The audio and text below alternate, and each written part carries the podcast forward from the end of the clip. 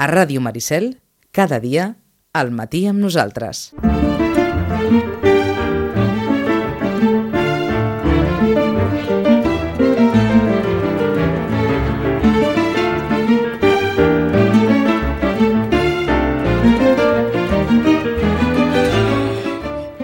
I és que molt probablement la carrera d'escriptor ara ja no va indissolublement lligada al fet de publicar en diaris o sobre el paper.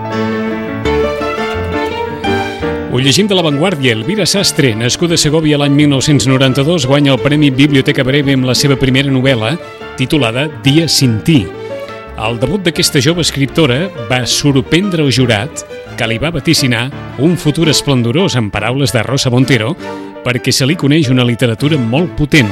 La veterana escriptora també va destacar que Sastre té una escriptura reconeixible, cosa que amb la seva joventut és molt memorable. I en un petit eh, requadre d'Ignacio Orobio, titulat Estimats youtubers, fa referència a això, a aquest encaix tan singular d'una dona que té 129.000 seguidors a youtuber i que s'enfronta, diguem-ne, a un món, a un món que té una tradició molt potent en la lletra escrita sobre el paper i hem de suposar que unes inèrcies i unes maneres de veure la vida i unes maneres de considerar els que són escriptors, dels que no ho som tant, de les trajectòries, etc etc. Ella per un costat i a l'altre costat La Vigília, el darrer llibre de Marc Artigau. I és que els escriptors joves ja no només venen del món de la lletra escrita sobre el paper. Rosana Lluc, bon dia i bona hora. Hola, molt bon dia. No venen ja de la lletra escrita directament sobre el paper, eh? sinó que molts ja els coneixem del món del món de les xarxes socials, del món dels mitjans de comunicació, etc etc. Sí, sí, sí. Eh, aquesta, aquesta noia en concret, de fet, uh, sí, és molt activa a les, a les xarxes socials. Sembla ser que quan va uh, a Latinoamèrica allò és bueno, dir, com aquell qui diu, han, li han d'apartar la gent perquè pugui entrar en els llocs on ha d'anar a signar, perquè tothom, tothom la coneix, no? I aquí també, la veritat és que aquí els llibres que ha editat i el llibre que ha editat a Valparaíso, que potser el Baluarte, que és, que és un dels llibres que sempre està en, en, les, en les prestatgeries de les llibreries, és una noia que ha anat fent, ha anat fent també, a part de les seves xarxes socials, ha anat fent també en les seves publicacions, no? I bé, va ser una sorpresa, però també una sorpresa agradable, us haig de dir, eh? Una sorpresa agradable, perquè aquesta noia, quan va parlar en el, quan se li va fer l'atornament del premi el, el dilluns al migdia, la veritat és que um, se li nota un bagatge i se li nota un poder-se enfrontar a qualsevol situació així com a molt, amb un discurs molt coherent. Mm -hmm. Llavors dius, eh, sí, sap parlar, eh, jo crec que ha demostrat que, que sap escriure i la veritat jo penso que és una història també de, de, molta, saps? de molta sensibilitat, que li donarà la seva part poètica, no? Amb, 20, que, amb 26 anys. Sí, sí, sí, amb 26 anys, eh? amb un bagatge. Llavors, clar, una, una noia que ja ho va confessar, és una lectora d'aquelles, perquè també li van preguntar si, si ella llegia, perquè moltes vegades um, el problema és que, doncs, no, que diem, home, no es llegeix, no es llegeix aquesta gent jove, no llegeix. Mm, mentida, ella és una lectora compulsiva des de molt petita i és aquelles que no té d'això de dir a mi la lectura em va salvar la vida, vull dir que és una lectora des de molt petitona. També és cert que ve d'una família que es veu que els hi agrada a tots llegir, el seu pare també és mestre, amb la qual cosa, doncs, també l'ha volcat sempre cap a la lectura i ella doncs, té una devoció també doncs, per, per la seva família, dient que sí, són una família que sempre li van inculcar la lectura i això ha fet també doncs, que, que ella tingui un llenguatge molt poderós i unes idees doncs, molt, que la sap expressar mm -hmm. absolutament bé. Eh? Veníem de les xarxes socials i per una altra banda, Marc Artigau, sí. La Vigília, llibre que es pot ja comprar avui perquè ha sortit avui mateix, sí. conegut sobretot Marc Artigau per la seva col·laboració al món RAC1, sobretot també a, a mi que m'ha cridat l'atenció tants anys que ens havien passat parlant d'escriptors mediàtics sí. i aquests escriptors mediàtics no tenen res a veure no. amb aquells escriptors mediàtics dels quals se'n parlava d'una forma pejorativa fa anys enrere, eh?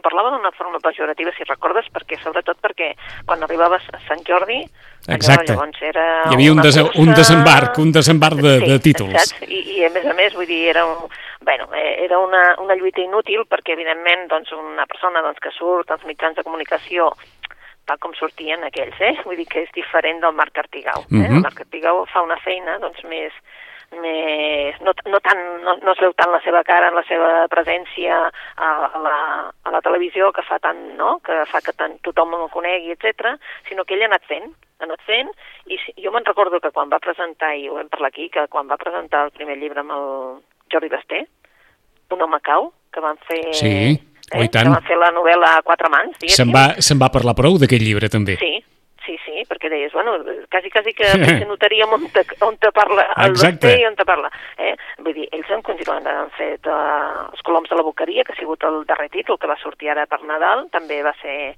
un segon títol del, del, del mateix, tots també a quatre mans, i ara doncs ens apareix ell amb la seva novel·la. Mhm.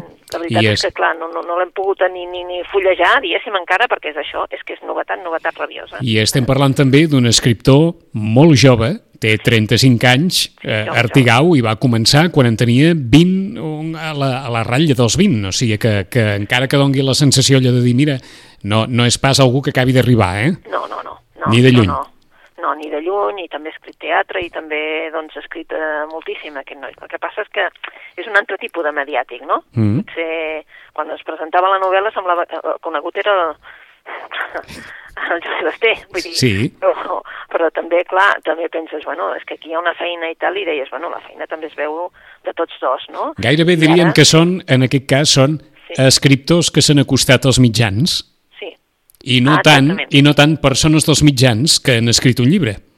exactament. O que, els hi han escrit, això, o que els hi han escrit un llibre. Aquí ha Sí. anat al revés, no? El, Sí, els sí. escriptors han vist que els mitjans poden ser una eina molt potent i molt bona i estan demostrant que els mitjans poden ser una eina molt potent i molt bona per difondre bona literatura, bones històries, en fi, per fer allò que, diguem-ne, que se suposa que s'ha de fer des d'un punt de vista ja, direm, de, de, de gènesi, un mitjà de comunicació, no? Exacte, sí, I- jo i- crec que és, que és una mica és això, eh? I els hi Ah, està, dit, eh? i, i els hi està funcionant. Tu has dit, eh? Són escriptors que s'han acostat als mitjans de comunicació, no, Mhm. no al revés. I llavors, clar, mm, ha de sortir alguna cosa d'aquí, eh? I que d'alguna manera, no ho sé també, però ho insinua, Ignacio Orobio en el seu article de La Vanguardia, hi ha també, òbviament, eh, eh, aquella faceta de un estrany que es fica dins un món, que és el món de la literatura, que és un món que té moltes inèrcies, que té un entorn, que té una imatge, que té una escenografia, que té tots uns registres en els quals poden resultar estranys la, la presència d'escriptors tan joves que han vingut de les xarxes socials. En un moment tornarem a recuperar la connexió. Portem uns dies amb això de les connexions telefòniques que no, que no, que no ens en sortim. A veure si podem tornar a recuperar a la Rosana Lluc parlant d'aquestes dues personalitats d'Elvira Sastre, la guanyadora del Premi Biblioteca Breve de Seix Barral amb la seva primera novel·la Dia Cintí i de Marc Artigau, Premi Josep Pla 2019 amb La Vigília, novel·la que acaba de sortir avui mateix i que molt probablement serà un dels llibres més venuts en els propers mesos. La història d'en Raimon, que escriu contes per la ràdio i viu amb el seu germà Blai, que va quedar trastocat per un accident en un bosc quan era petit i ara porta una vida senzilla treballant en un taller ocupacional. En Raimon rep un encàrrec, i un encàrrec estrany, una dona gran que sempre escolta els seus relats, vol contractar-lo perquè li escrigui la seva biografia. Darrere de la vigília hi ha aquesta història. Havíem perdut la comunicació amb la Rosana, estàvem parlant, Rosana, de, de fins a quin punt el món literari, diguem-ne, de sempre, tradicional, rebrà aquests escriptors que pugen amb aquesta força i que venen des d'un àmbit absolutament diferent al món del el paper escrit i del llibre enquadernat. Temps canvien, com tu has dit, vull dir, i, i, i, tot ha de canviar, i a més a més, moltes vegades ho hem dit, que els editors també estan buscant doncs, aquesta generació jove, no?, perquè doncs, molts dels, de- dels que eren la generació dels coneguts doncs se n'estan anant i llavors també ha de sortir aquesta generació nova i potser aquesta generació nova ve d'uns altres mitjans però en definitiva el que és important és que facin bona literatura, amb l'Elvira Sastre en concret, suposo que amb el Marc també, li van preguntar moltes vegades a qui estava dirigida la novel·la, saps si, si estava dirigida amb aquest públic jove que, que, que ella té amb les xarxes socials i ella va dir que, que no, que en absolut, que, que no hi creu amb això de, de fer una novel·la. Una novel·la és bona o no és bona i punt, no? O, o una novel·la eh, apela a tu o no t'apela, però no està dirigida realment als joves i evidentment per la temàtica no és gens per, diguéssim, no és per un públic molt jove, D'acord. ni, ni molt menys, és, un, Creus- és una novel·la. Creus que el, les dues novel·les seran, no diré que èxit de vendes, però es vendran força? Jo crec que sí, jo crec que sí. Eh, I aquí sí que la veritat és que hi haurem de posar tots, eh? em sembla, saps allò? Perquè aquest prejudici sí qui serà, és a dir, qui és aquest noi, no? Dir, qui és el Marc Artigau? Home, vull dir, si sents la ràdio segurament ja els hi sonarà, no? Però de vegades eh, és allò, no? Mm, són el Jordi Berté però no són el Marc Mhm. Artigau, no. Vull dir, jo crec que hi haurem de posar tots una mica de dir, bueno, doncs no, primer de tot llegir-la perquè no, clar, ja et dic, com que ha arribat avui tampoc no, no hem pogut ni llegir-la, i, i després dir, bueno, mm, fer una miqueta de feina d'apoyar-los no, nosaltres també per dir, bueno, són la nova generació, però són una generació també que arriba a les nostres mans i, bé, una nova veu. Doncs hem començat avui parlant d'Elvira Sastre i de Marc Artigau. D'Elvira Sastre, recordem, Premi Biblioteca Breve acabat de donar per Dia Cinti de Marc Artigau, acaba de sortir La Vigília, Premi Josep Pla 2019. Per on comencem avui, Rosana? Bueno, la, de dia Cinti hem de dir que sortirà el dia 5 de març, ja està tot previst perquè surti el dia 5 de març, o sigui que ja la tenen, no? Ahà. Amb màquines, o sigui que el dia 5 de març ja, ja està a les llibreries, falta menys d'un mes, eh? Um, bé, si haguéssim de continuar, um, no sé si continuar, per, per exemple, dèiem que un dels llibres molt potents de la vida sastre, d'aquell llibre de poemes que es diu uh, Baluarte, Sí. que s'ha traduït a l'anglès, i perquè s'hagi traduït a l'anglès, vull dir, ja podeu, eh? Dir, mare de Déu, que bé, que bé, perquè és que no, no tradueixen res de casa nostra ni de casa de ningú, eh?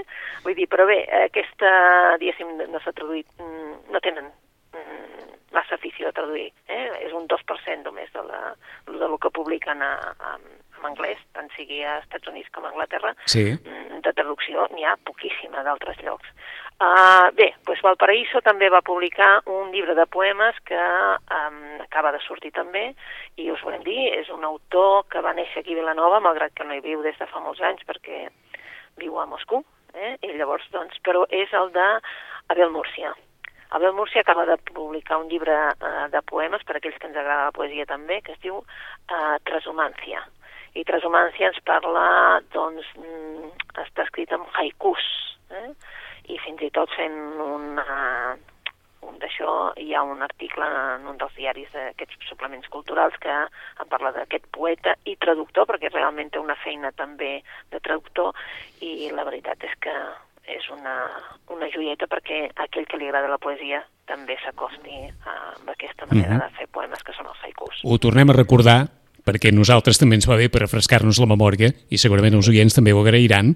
Un haiku és un tipus de poesia japonesa que consisteix en un poema breu de 17 síl·labes escrit en tres versos de 5, 7 i 5 síl·labes respectivament. I a partir d'aquí s'estableix aquesta... Bé, ja ho saben que la poesia també en el fons té quelcom de, de matemàtic com la música. Sí, sí, sí. Doncs el, el haiku s'estableix d'aquesta forma, a partir d'aquesta base tan reglada, hi ha poesia, hi ha sensibilitat, hi ha, hi ha emoció. D'Abel Múrcia, Trashumància, llibre de haikus, hem començat amb aquesta recomanació avui. Vinga, i continuem per un altre. Va. Un altre que us la vam avançar, vam dir... Parlarem d'un llibre que es diu El dia que Selma soñó con un okapi. Mm. Home, Bé, aquesta és una aposta d'una autora eh, alemana. Els llibreters independents alemanys, eh, bé, eh, li han donat el premi de dir és el nostre premi, és l'obra que creiem que es, ells li van donar ja, ja fa més d'un any el premi, vull dir que la van trobar original, intel·ligent, mm, tendre. El dia que Sel- Selma soñó con un okapi, quan la llegeixes, primer t'enfrentes amb una obra que dius, bé, no sé on t'emportarà això, però eh, eh, parla d'una petita comunitat, Westerval, i és una petita, i dintre d'aquesta comunitat doncs hi ha uns quants que es coneixen moltíssim, no?, que farien un nucli, no? Bé, uh, aquells que el coneixen, que són el, de la botiga, el de, saps, allò, l'òptic, um, una dona que viu quasi al començament del poble, etc. Uh, saben que la Selma eh, mm. té un don especial, és, que és un don una mica horrorós, eh? que ella quan somia amb un ocopi, algú d'allà eh, morirà en 24 hores. Per sort, no, no passa gaire, eh? no passa gaire, però vaja, um, això eh, és una veritat perquè els hi ha passat, o almenys és el que pensen. Però això no és el, diguéssim, el que, el que realment mm, marca la novel·la. El que marca la novel·la és dos personatges, i està escrit per un dels personatges, per la Louise. Tota la novel·la representa que està escrit des del punt de vista de la Louise. Uh -huh. La Louise, al començament de la novel·la, és una nena, una nena petita, una nena que té un amic eh, d'aquells de, de jugar, de compartir-ho tot, d'anar a l'escola, que es van fent grans i ells van sempre junts, que és el Martin. I el Martin és un noi que es vol dedicar, quan sigui grans, a aixecar pesos. Mm? I el que l'únic que té més a prop per fer-ho és amb ella, amb la Louise, i li agrada aixecar-la. Clar, imagina't els 3 anys, els 4 anys, a ella li agrada aixecar-la. Eh? De fet, hi haurà un accident horrorós i el Martin desapareixerà perquè doncs, eh, morirà eh? amb un accident anant també eh, en tren i a partir d'aquell moment doncs, la, la Louise sempre tindrà aquesta mancança d'aquest nano.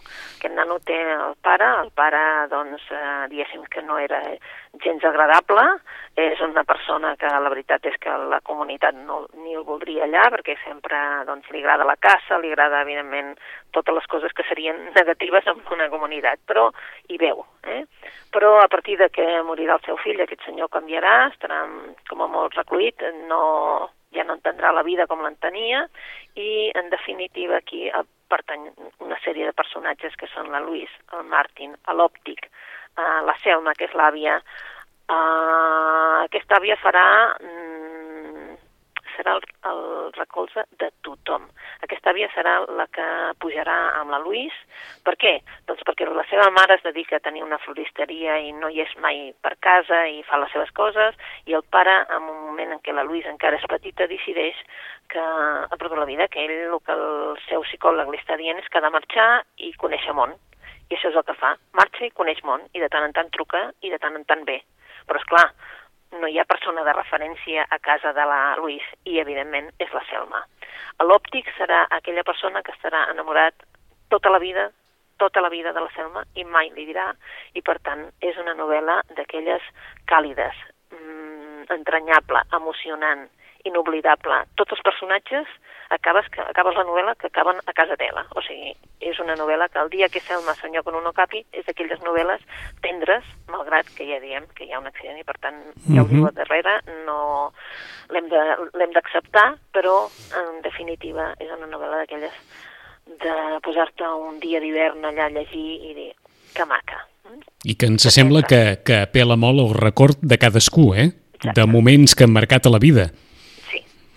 Comienza la novela dient Selma solía decir que cada vez que soñaba con un okapi por la noche, podíamos estar seguros de que alguno de nosotros moriría durante las 24 horas siguientes. Y era casi cierto. En una ocasión fueron 29 horas. La muerte llegó con retraso.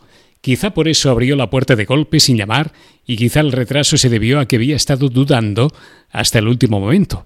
Hasta entonces, Selma había soñado con un okapi en tres ocasiones i en les tres havia muerto alguien poco después. Així comença la novel·la, però com deia la Rosana, això no direm que sigui anècdota, perquè és important a la història, però la història de debò és aquesta història entre la Louise, en Martin, aquesta desgràcia que pateix en Martin i tot el que passa a continuació. El dia que Selma soñó con un okapi de Mariana Lecki, escriptora alemanya, llibre de gran èxit al seu país i que comença a fer encaix en tota la resta d'Europa, amb aquesta traducció també que acabem de comentar. Per on seguim? Pues seguim, per exemple, amb una novel·la que també s'ha publicat aquests dies, una novel·la completament diferent, que es diu, l'autor es diu Jordi Campó i Boada, és d'aquests, eh, també, diguem-ne, que tampoc eh, no és conegut, eh? tampoc uh -huh. és mhm. conegut. Um, ell va començar uh, com a productor musical l'any 99, però eh, ara ens presenta una novel·la que es diu La noia del violoncel. la noia del violoncel representa que ens parla de, de l'Ann, l'Ann que és una violoncel·lista a la London Symphony Orchestra, eh? I és una noia, doncs, bueno, quan diem noia resulta que és una noia de 35, tampoc no és Mm -hmm. noia, però 35, o sigui que diguéssim que ja hauria de ser madura, eh, experta, mm, sabent el que vol fer la vida, etc etc.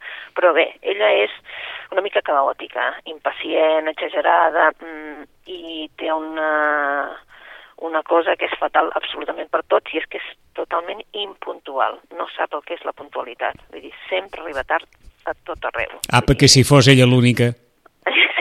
Sí, sí, sí, però és que és una característica, saps allò que dius, carai, vull dir, quan estàs en un assaig i saps que hi ha Sí. un assaig, vull dir, sempre, Ah, perquè ja, sempre eh? ja, ja, ja pot riure, Rosana, ja. Sí. Ah, perquè si tots, si tots haguéssim d'explicar històries d'impuntualitat en Sí, algun lloc o puntualitat, altre, eh? en trobaríem, eh? En trobaríem. Sí, Bé, però bé, és d'aquelles que mm, eh, arranca la novel·la pues, amb una anècdota i és que, doncs bé, uns lladregots han, han, han entrat a la, a la, a la, on estaven ensajant l'orquestra, no?, al Barbican, eh? i resulta que han, han robat, eh? sense adonar-se'n, han robat les fundes de tots els instruments mhm. sense saber que dintre no hi havia els instruments perquè si hagueren escoltat una mica estaven eh, assajant, per tant Sí. era impossible que hi fossin, no? Bé, per això és un, un entrebanc per ella perquè ara, clar, ha de portar a la funda diguéssim, vella, i la vella, doncs, sempre hi ha una nansa que va pom, pom, pom, pom, Uh, què passa? Que, doncs, bueno, doncs, evidentment aquella nansa que fa cloc, cloc, cloc, cloc, arriba un moment que, bé, uh, per atzar, evidentment ha arribat tard a la, uh, a l'assaig, després havia, no se'n recordava què passava, què passava, no, és que no se'n recordava què havia de fer, pam, i és que a les 11 havia d'estar en un altre lloc, i llavors, clar, agafa un taxi, i de cop i volta la, ha perdut la, la aquesta que feia cloc, cloc, cloc de la, de la funda. Què passa? Que hores més tard ella continua sentint el cloc, cloc, cloc de la nansa que anava picant a la funda, però la nansa ja no hi és. O sigui, hi ha un objecte, eh, um, aquest objecte que la farà anar de corcoll és un objecte que troba, um, saps, a dintre del Sí. instrument i a partir d'aquest moment doncs, hi haurà moltes coses que ella haurà d'estirar el fil de coses que han passat a les, a, a, abans. Eh? Um, clar, des de on? Pues des de que resulta que ve dels anys 70 a Barcelona, ella està a Londres, no té res a veure amb Barcelona, però a partir d'aquí doncs, estirarem el fil i La noia del violoncel doncs, serà una novel·la doncs, que ens parla doncs, això, de l'atzar, sobretot, de les coses que passen per atzar. A partir d'un objecte que ella troba a l'antiga funda del seu violoncel, perquè la funda actual va ser robada amb totes les altres fundes a l'inici de la novel·la. La noia del violoncel, de Jordi Campoy. I tenim temps per una recomanació més, Rosana. Doncs pues mira, una recomanació que s'han llegit de dues persones d'aquí a la llibreria, jo encara no, però estic amb això, doncs és La cocinera de Castamar, per aquells que els agradin la novel·la històrica. Sí, És una novel·la, avui, avui va d'autors novells, diguéssim, doncs aquest ho és. Eh? Uh, Fernando J. Múñez és un autor eh, que, que diguéssim que aquesta és la, la seva primera novel·la i la veritat és que um, Planeta ha decidit apostar per ell i li ha publicat la, la novel·la. Eh? És una novel·la llarga i és una novel·la que es diu La cocinera de Castamar de Fernando J. Muñoz ens parla d'una noia, una noia que, bé, que el seu pare és metge, que la seva mare li agrada molt cuinar, que li ensenya a cuinar i amb ella li encanta cuinar. I a partir d'aquí, doncs, resulta que trobarem que mm, el seu pare mora, ella té molt mala sort i ha de començar a anar en algun lloc perquè l'agafin com a cuinera i arriba eh, bueno, doncs a la casa d'un grande d'Espanya mm? Mm, a l'Espanya estem parlant de l'Espanya de 1720 sí.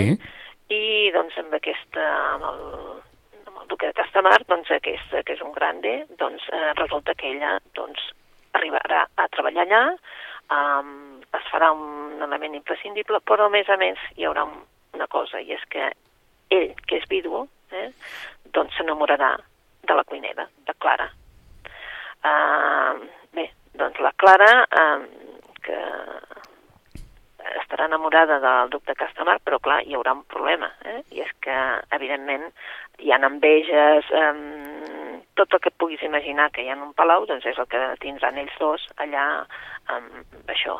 Perquè, a més a més, eh, Castamar té un germà, un germanastre, un noi que el seu pare va adoptar i li va donar el nom, i per tant és germà, eh? Uh -huh. i per tant ha d'això. L'únic problema és que era negre, eh? i per tant també hi haurà una sèrie d'intrigues, una sèrie de rebuig cap amb ell, és a dir, que toca molts temes dintre la novel·la, perquè evidentment ja hi havia racisme, és evident, sí. perquè clar, eh, fer grande també amb una persona que, que és d'una altra raça el, el 1720, doncs era com a molt gros. Eh? Segurament per això una de les crítiques al llibre comença Si Fernando J. Muñez fuera mujer, no querría vivir en el siglo XVIII. Eso sí, si pudiese viajaría hasta esa època para ser un simple observador.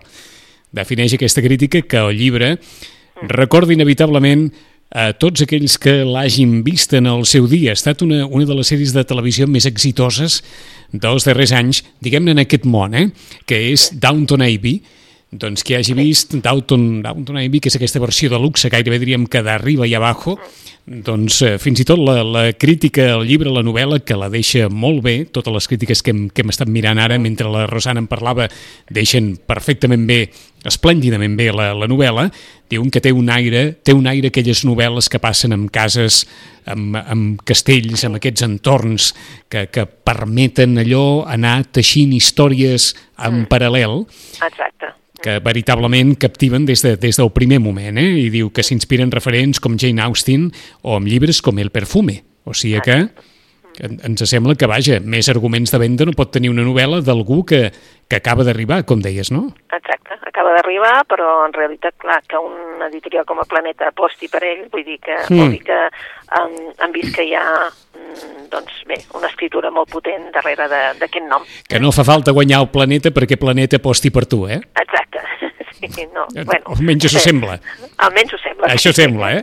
Hem, sembla. hem començat per aquesta recomanació. La Rosana no l'ha llegida, però l'han llegida persones a la llibreria amb qui, amb qui la Rosana confia i per tant això ja és un bon senyal. La cocinera de Castamar, de Fernando J. Múñez, de Jordi Campoy, la noia del violoncel, avui la Rosana que ens ha portat literatura d'aquelles que aboca el, el passat personal dels protagonistes, la noia del violoncel de Jordi Campoy, El dia que Selma soñó con un okapi, aquesta història també del tot singular escrita per Mariana Lecki, un gran èxit també a Alemanya, un poeta, un poeta vilanoví que viu a Rússia, Abel Múrcia, Transhumància, aquest eh, llibre fet a partir dels haikus de, de la poesia japonesa i acaba de sortir avui i també segurament serà un d'aquells llibres que, que Sant Jordi recuperarà, La Vigília, de Marc Artigau, Premi Josep Pla 2019. I hem començat apuntant la data del 5 de març, la data en què sortirà a la venda la darrera obra, la primera novel·la, en aquest cas d'Elvira Sastre, aquesta també reconegudíssima ja escriptora de 26 anys, Dies Cinti, el 5 de març. I en 15 dies el nostre temps pels llibres tornarà amb la Rosana Lluc. Rosana, bona lectura. Bona lectura a vosaltres. Fins d'aquí 15 dies.